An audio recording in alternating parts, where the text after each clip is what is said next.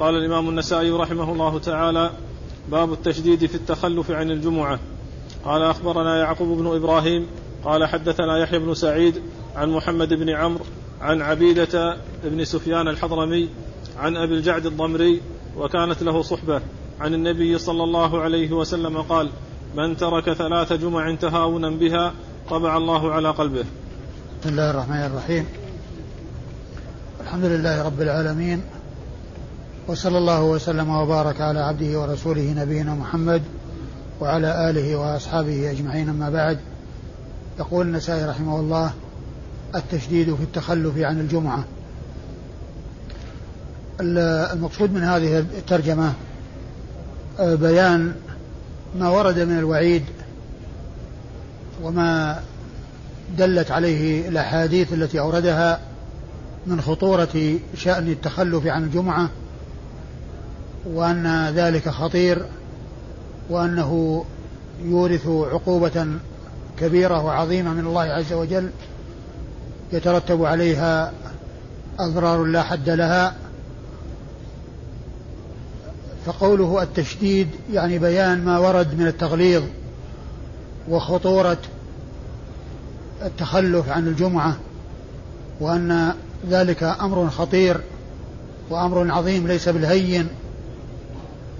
ثم ورد النسائي فيه حديث أبي الجعد الضمري رضي الله تعالى عنه أن النبي عليه الصلاة والسلام من قال من ترك آه ثلاث جمع نعم ثلاث جمع تهاونا ثلاث جمع تهاونا طبع الله على قلبه. من ترك ثلاث جمع تهاونا طبع الله على قلبه. وهذا فيه واضح في الدلالة على ما ترجم له لأن هذا تشديد. وتغريض وبيان خطورة هذا الفعل الخطير الذي هو التخلف عن الجمعة.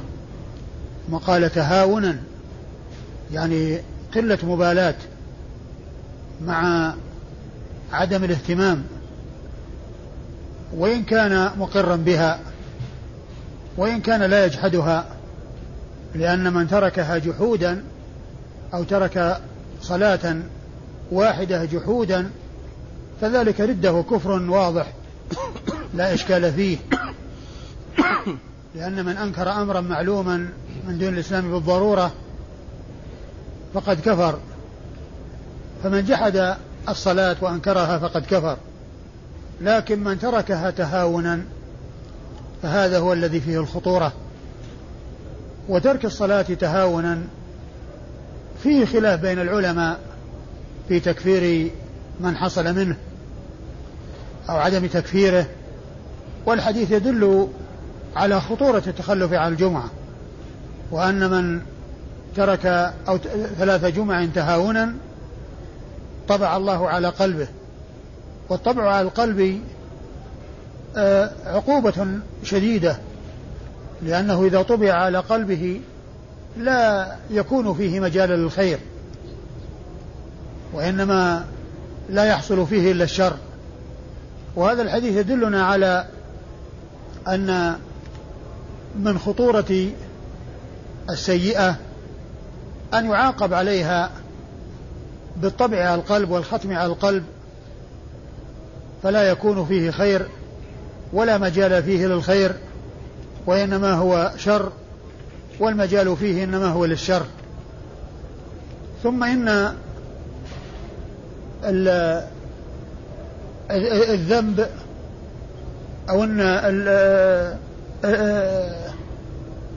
الذنب الذي يحصل من الإنسان هو سيء ولكن من العقوبة عليه أن يترتب عليه ما هو أخطر منه وهو الطبع على القلب الذي يكون لا مجال فيه للخير. ولهذا جاء في القرآن فلما زاغوا أزاغ الله قلوبهم. فلما زاغوا أزاغ الله قلوبهم. فالزيغ وهو ميل على الحق وإعراض عن الحق يترتب عليه الإزاغة. ويكون الأمر في ذلك أخطر والأمر في ذلك أشد. زيغ يترتب عليه إزاغة. يعني إزاغة عن الحق والهدى فيتيه في الضلال ويعمى عن الحق فيتقلب في, في, في الظلمات ويحال بينه وبين الخير لأنه طبع على قلبه. فلما زاغوا أزاغ الله قلوبهم. وهذه من أعظم العقوبات العقو من أعظم عقوبات الذنوب. أن يعاقب عليها بالختم على القلب وأن عقوبتها الختم على القلب. والله عز وجل يقول فليحذر الذين يخالفون عن أمره أن تصيبهم فتنة أو يصيبهم عذاب أليم. قد جاء عن الإمام أحمد رحمة الله عليه أنه قال أتدري ما الفتنة؟ الفتنة الشرك. لعله إذا رد بعض قوله أن يقع في قلبه شيء من الزيغ فيهلك. لعله إذا رد بعض قوله يعني بعد بعض قول النبي صلى الله عليه وسلم أن يقع في قلبه شيء من الزيغ فيهلك بسبب ذلك. فالذنب يورث ما هو أخطر من الذنب وهو الطبع على القلب والختم على القلب فلا يدخله خير ولا مجال فيه إلا للشر والعياذ بالله. أتدري ما الفتنة؟ فليحذر الذين يخالفون عن أمره أن تصيبهم فتنة. يعني العقوبة على مخالفة الأمر فتنة ما هي الفتنة؟ قال الفتنة الشرك. يعني قد يصل الأمر إلى ما هو أخطر من الذنب الذي هو المعصية. إلى الشرك. قال وذلك أن يقع في قلبه شيء من الزيغ فيهلك بسبب ذلك. إذا رد بعض قول الرسول صلى الله عليه وسلم أن يقع في قلبه شيء من الزيغ فيهلك. ويقول الله عز وجل وما كان لمؤمن ولا مؤمنة إذا قضى الله ورسوله أمرا أن يكون لهم الخيرة من أمرهم. ومن يعص الله ورسوله فقد ضل ضلالا مبينا. ومن يعص الله ورسوله فقد ضل ضلالا مبينا. فمن العقوبة على السيئة السيئة بعدها. كما أن من ثواب الحسنة أن يوفق لحسنة بعدها. فالحسنة تجلب الحسنة والسيئة تجلب السيئة بل تجلب ما هو أخطر منها سيئة أعظم منها والعياذ بالله. الحاصل أن الحديث دال على ما ترجم له المصنف من التشديد في التخلف عن الجمعة وأن ذلك أمر خطير وأنه أمر في غاية الخطورة لأن هذا الذنب الذي هو التخلف يورث العقوبة عليه بأن يطبع على قلبه. يورث العقوبة عليه بأن يطبع على قلب صاحبه والعياذ بالله. وأما إسناد الحديث فيقول النسائي أخبرنا يعقوب بن إبراهيم. ويعقوب بن إبراهيم هو الدورقي وهو ثقة حافظ أخرج له أصحاب الكتب الستة بل هو شيخ لأصحاب الكتب الستة. رووا عنه كلهم مباشرة وبدون واسطة. البخاري ومسلم وأبو داود والترمذي والنسائي وابن ماجه يعقوب بن إبراهيم الدورقي شيخ لهم جميعا. كلهم أخذ عنه مباشرة وبدون واسطة. ومثل يعقوب بن إبراهيم الدورقي محمد بن مثنى العنزي الملقب الزمن ومحمد بن بشار الملقب من دار من دار فإن هؤلاء الثلاثة كلهم شيوخ لأصحاب الكتب الستة. أصحاب الستة جميعا رووا عن هؤلاء الثلاثة. كل منهم من أصحاب الكتب الستة روى عن هؤلاء الثلاثة مباشرة وبدون واسطة. فهؤلاء شيوخ لأصحاب الكتب الستة جميعا. ويعقوب بن إبراهيم الدورقي الذي معنا الآن في الإسناد والذي هو شيخ النسائي هنا هو شيخ لأصحاب الكتب الستة كلهم رووا عنه مباشرة أي رووا عنه أحاديث مباشرة وبدون واسطة. عن يحيى ابن سعيد ويحيى بن سعيد هو القطان المحدث الناقد الثقة المعروف كلامه في الجرح والتعديل يأتي ذكره كثيرا بأن يقال ضعفه القطان أو وثقه القطان أو يحيى بن سعيد القطان. وقد ذكر الذهبي في كتابه من من يعتمد قوله بالجرح والتعديل يحيى بن سعيد القطان وعبد الرحمن بن مهدي وقال إنهما إذا اجتمعا على جرح شخص فهو لا يكاد يندمل جرحه يعني معناه أنهما يصيبان في قولهما وأنه يعول على كلامهما ويعتمد على كلامهما لأنهما يصيبان الهدف فيما يقولان. وهو حديثه عند أصحاب الكتب الستة. يروي عن محمد بن عمرو. ومحمد بن عمرو هو ابن وقاص الليثي. وهو آه، صدوق له أوهام. صدوق له أوهام. أخرج حديثه أصحاب الكتب الستة. عن عبيدة بن سفيان. عن عن عبيدة بن سفيان الحضرمي. عن عبيدة بن سفيان. وعبيدة بفتح العين. وهو ثقة أخرج له مسلم وأصحاب السنن. أخرج له مسلم وأصحاب السنن الأربعة. أخرج له مسلم وأصحاب السنن الأربعة. عن عن أبي الجعد الضمري. عن أبي الجعد الضمري صاحب رسول الله صلى الله عليه وسلم وقيل إن اسمه أدرع وقيل غير ذلك. وله هذا الحديث الواحد عند أصحاب السنن الأربعة. ليس له في في كتب السنن إلا هذا الحديث الواحد. ما خرج ما ليس عند له عند البخاري ومسلم شيء وعنده وعند أصحاب السنن الأربعة له هذا الحديث الواحد. فلا ذكر أو لا, لا أحاديث في الكتب الستة لأبي الجعد الضمري صاحب رسول الله عليه الصلاة والسلام إلا هذا الحديث الواحد الذي معنا والذي يتعلق بالتشديد في صلاة الجمعة وفي التشديد في التخلف عن صلاة الجمعة وبيان خطورة ذلك. قال رحمه الله أخبرنا عمرو بن سواد قال أنبأنا ابن وهب قال أنبأنا ابن أبي ذئب عن أسيد بن أبي أسيد عن عبد الله بن أبي قتادة عن جابر بن عبد الله رضي الله عنه أن رسول الله صلى الله عليه وسلم قال من ترك الجمعة ثلاثا من غير ضرورة طبع الله على قلبه. ثم أورد النسائي حديث جابر بن عبد الله الأنصاري بمعنى الحديث الذي قبله وقوله من ترك ثلاث جمع من غير ضرورة طبع الله على قلبه.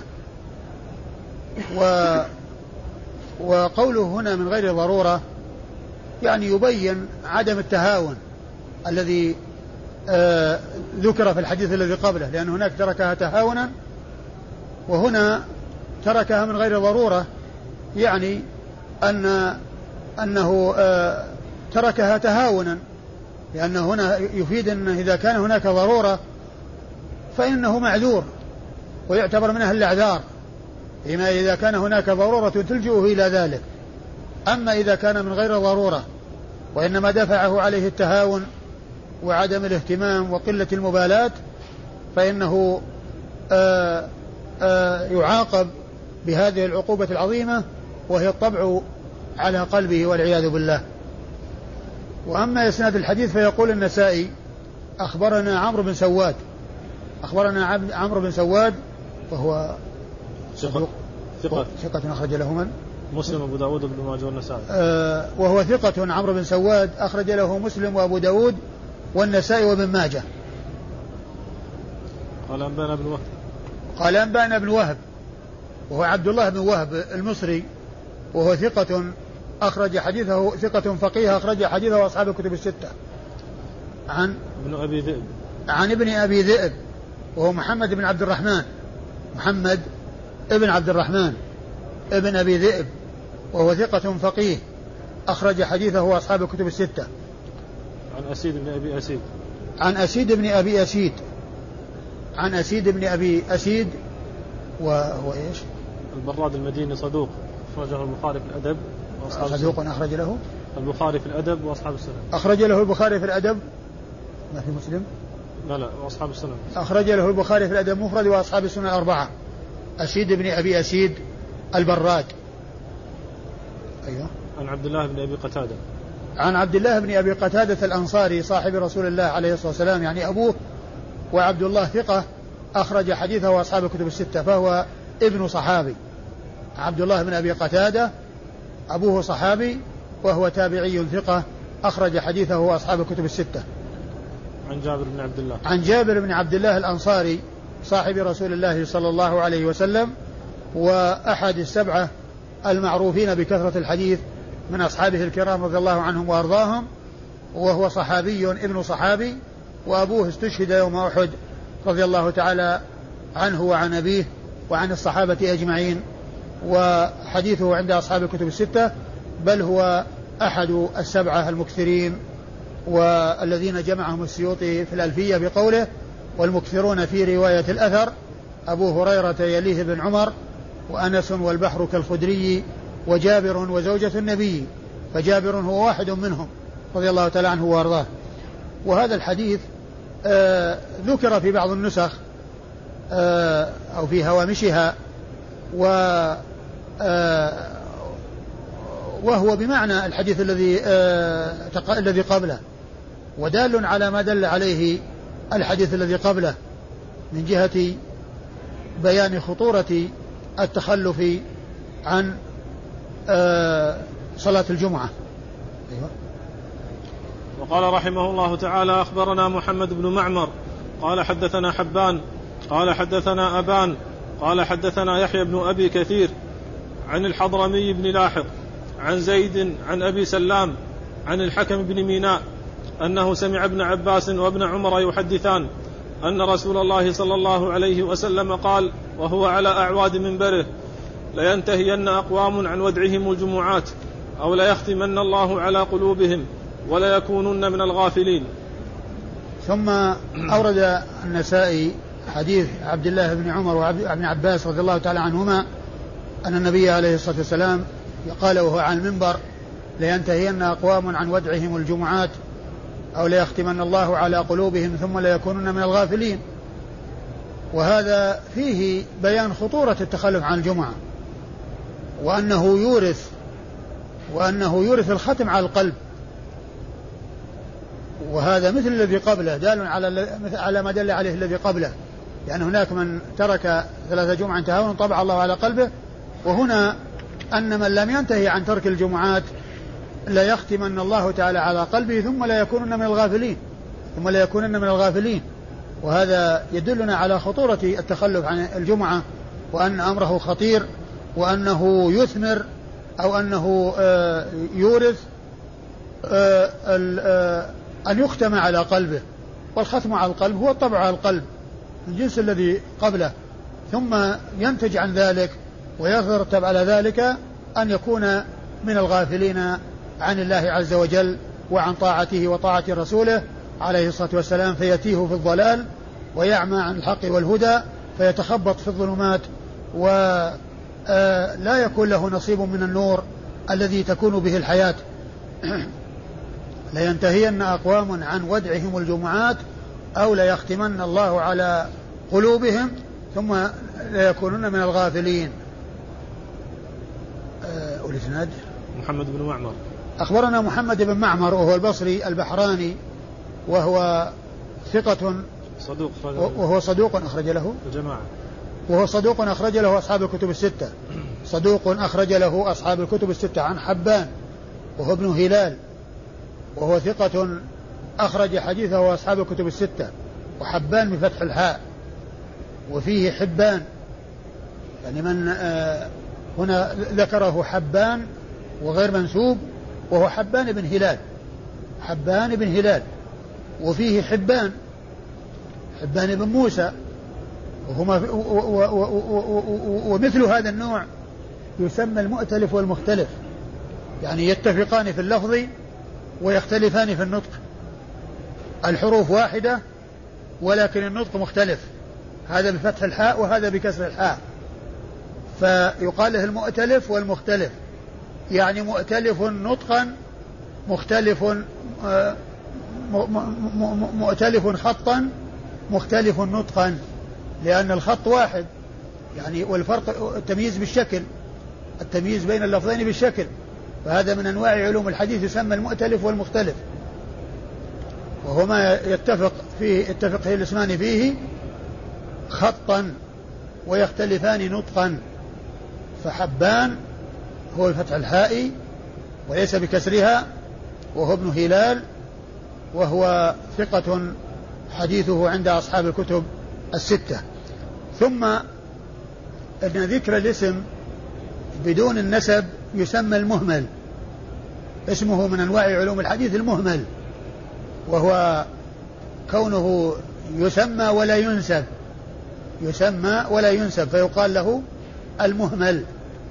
بخلاف المبهم المبهم هو الذي لا يسمى ولكن يشار إليه بأن يقال رجل أو امرأة. أو شخص أو إنسان أو آخر رجل آخر أو ما إلى ذلك فهذا يقال له المبهم.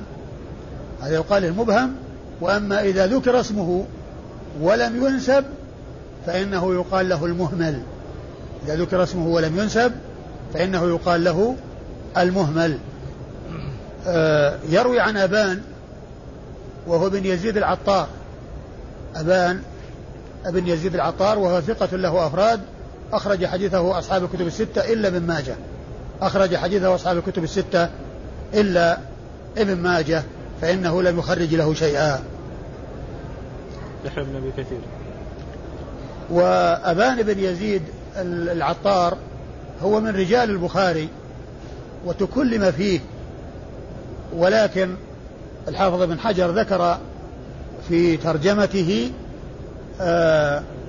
أن أن الإسناد إلى الذي تكلم فيه غير ثابت.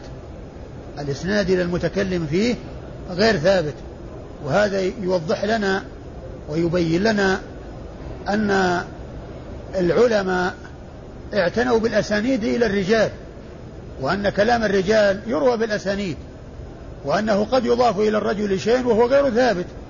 قد يضاف إلى الرجل الذي تكلم في الرجل في الرجل كلام ولا يكون ثابتا لأن في الإسناد إليه من لا يعتد بحديثه.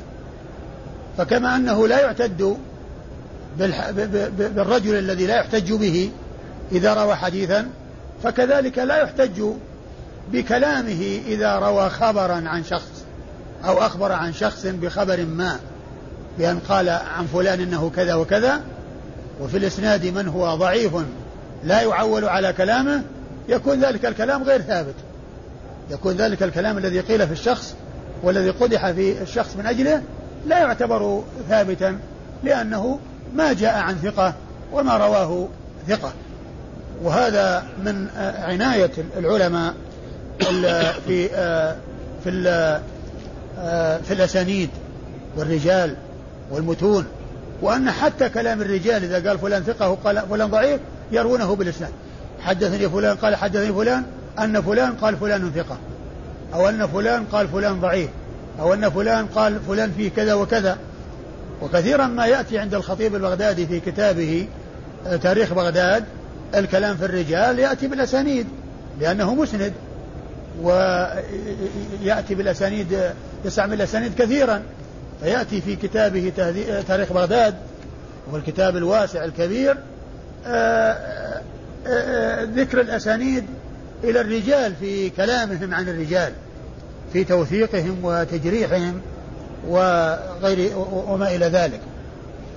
آه عن أبان عن يحيى بن أبي كثير. عن يحيى بن أبي كثير اليمامي وهو ثقة ثبت يرسل ويدلس وحديثه عند أصحاب الكتب الستة. اليمامي نسبة إلى اليمامة. وحديثه عند أصحاب الكتب الستة أخرجه آه، آه، أخرجه أصحاب الكتب الستة وهو ثقة ثبت يرسل ويدلس. وهو صاحب الكلمة العظيمة التي أشرت إليها قريبا والتي رواها مسلم عنه بإسناده. يعني هذه الكلمة رواها عن مسلم بإسناده. قال حدنا فلان قال حدنا فلان. أن يحيى بن أبي كثير قال لا يستطاع العلم براحة الجسم. لا يستطاع العلم براحة الجسم. إسناد إليه أنه قال هذه الكلمة. في صحيح مسلم.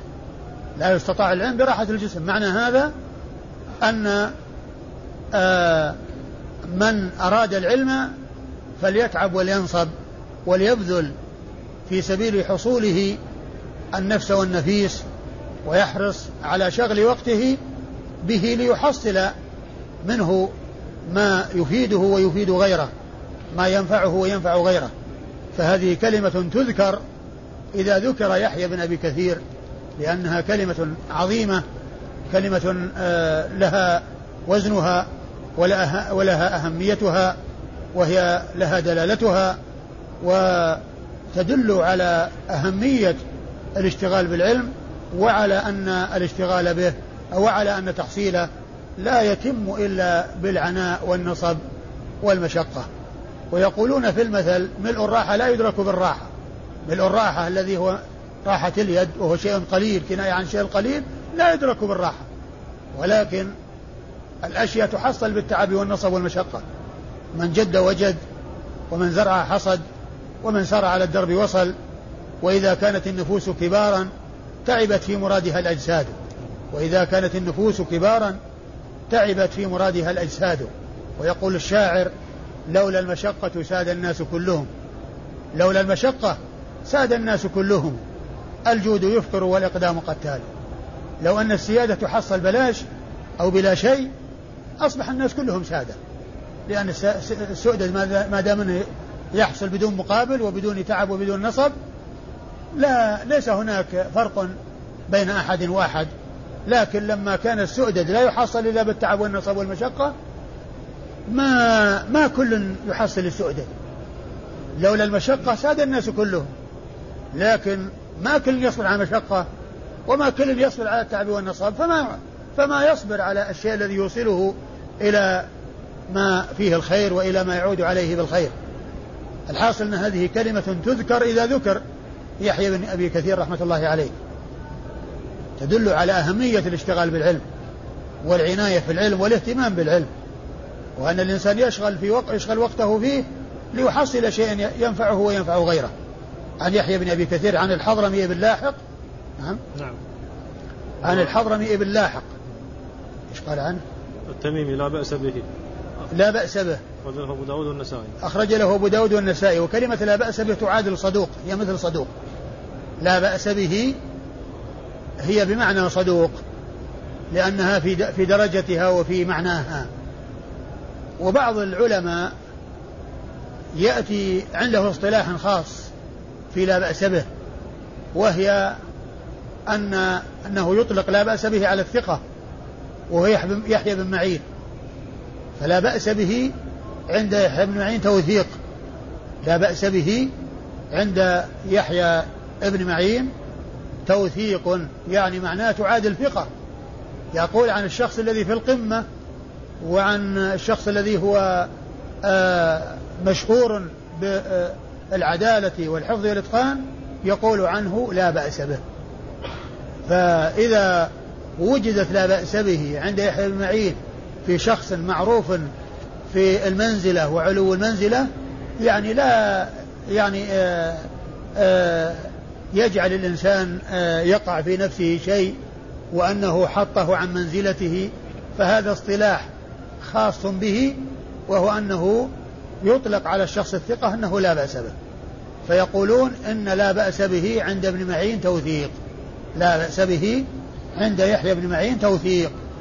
لكن لا بأس به المشهور عند المحدثين وعند العلماء أنها تقل عن الثقة وأنه بمنزلة صدوق وهو الذي حديثه يعتبر حديثه حسنا يعتبر حديثه من قبيل الحسن لأن من من قل ضبطه وخف عن درجة الثقة فيقال له صدوق ويقال لا بأس به أو ليس به بأس وحديثه يعتبر من قبيل الحديث الحسن. لكن ابن ابن معين إذا قال يحيى بن إذا قال عن شخص لا بأس به كأنه قال ثقة. كأنه قال فيه ثقة لأن لا بأس به عند يحيى بن معين توثيق. وأخرج له اللي هو الحضرمي بن لاحق آه أبو داود النسائي ثم أيضا هذا من الأسماء التي هي على على صيغة النسب. يعني أحيانا تأتي الأسماء على صيغة النسب. الحضرمي نسب. ينسب الشخص إلى حضرموت ويقال حضرمي. لكن هذا اسمه الحضرمي. ليست نسبة وإنما هذا اسمه. فأحيانا تأتي الاسم على صيغة النسب. مثل الحضرمي ومثل مكي. المكي ابن إبراهيم من كبار شيوخ البخاري. فاسم على صيغة النسب وعلى آه، آه، على وزن النسب وعلى صفة النسب. يعني ليس نسبة إلى مكة هذا اسمه مكي. ليس نسبا وإنما النسب يأتي في الآخر فلان فلان المكي. وأما هذا اسم مكي مكي بن إبراهيم.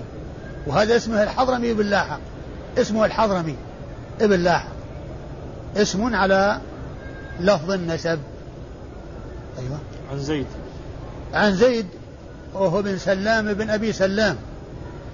زيد بن سلام بن أبي سلام. وجده أبو سلام اسمه ممطور وزيد بن سلام بن أبي سلام هذا إيش قال عنه؟ ثقة يرسل. ثقة يرسل. حديثه أخرجه البخاري في الأدب المفرد ومسلم وأصحاب السنن الأربعة.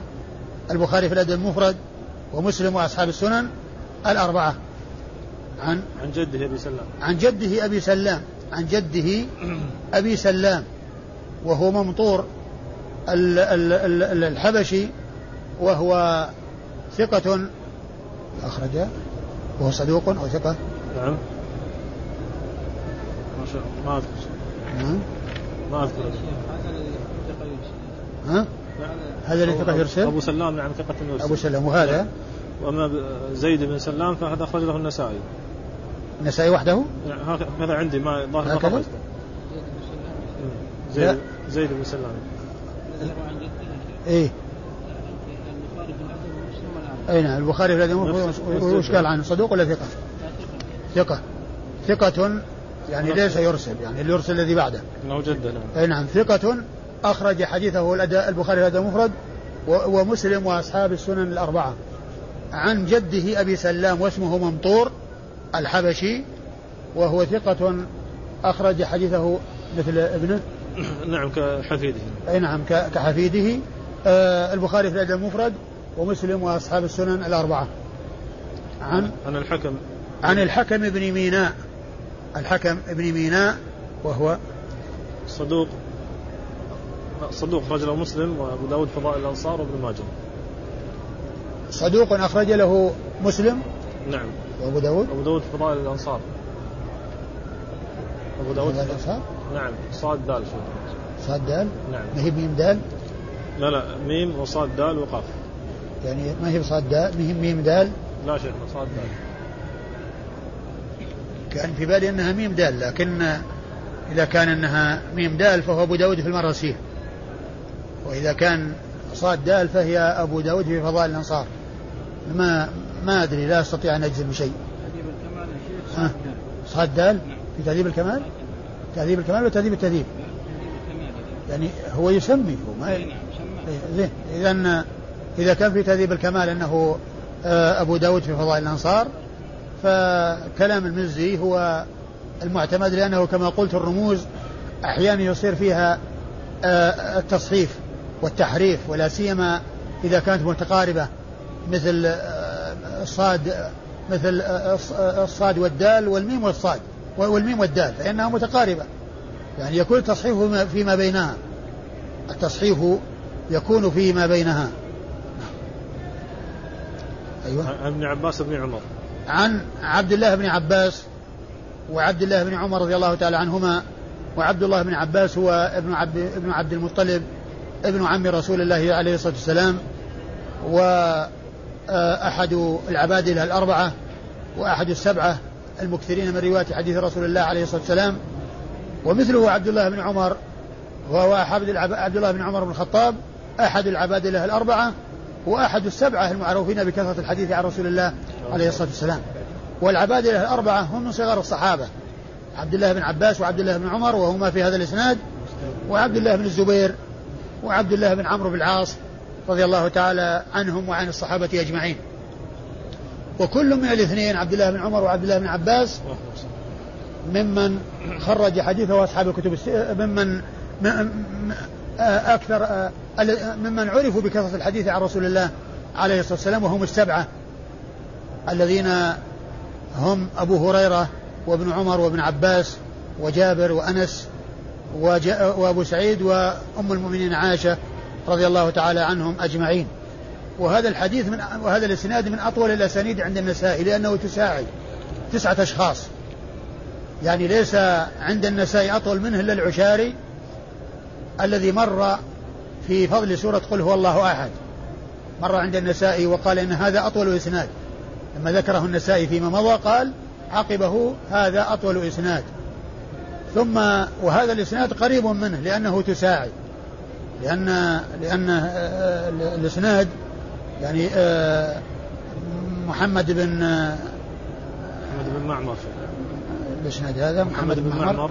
محمد بن معمر يروي عن حبان بن هلال وحبان بن يروي عن أبان بن يزيد العطار وأبان بن يزيد العطار يروي عن يحيى بن أبي كثير ويحيى بن أبي كثير يروي عن الحضرمي بن لاحق والحضرمي بن لاحق يروي عن عن عن زيد بن سلام ابن أبي سلام وزيد بن أبي سلام يروي عن جده أبي سلام وأبو سلام يروي عن آه عن الحكم بن ميناء والحكم ميناء يروي عن شخصين والشخصين هؤلاء يعتبرون في درجة واحدة ما يقال أنه عشاري لأن ابن عمر وابن عباس في رتبة واحدة وفي درجة واحدة والحديث عنهما جميعا فهو يعتبر حديثين لأن الحديث هو باعتبار الصحابي.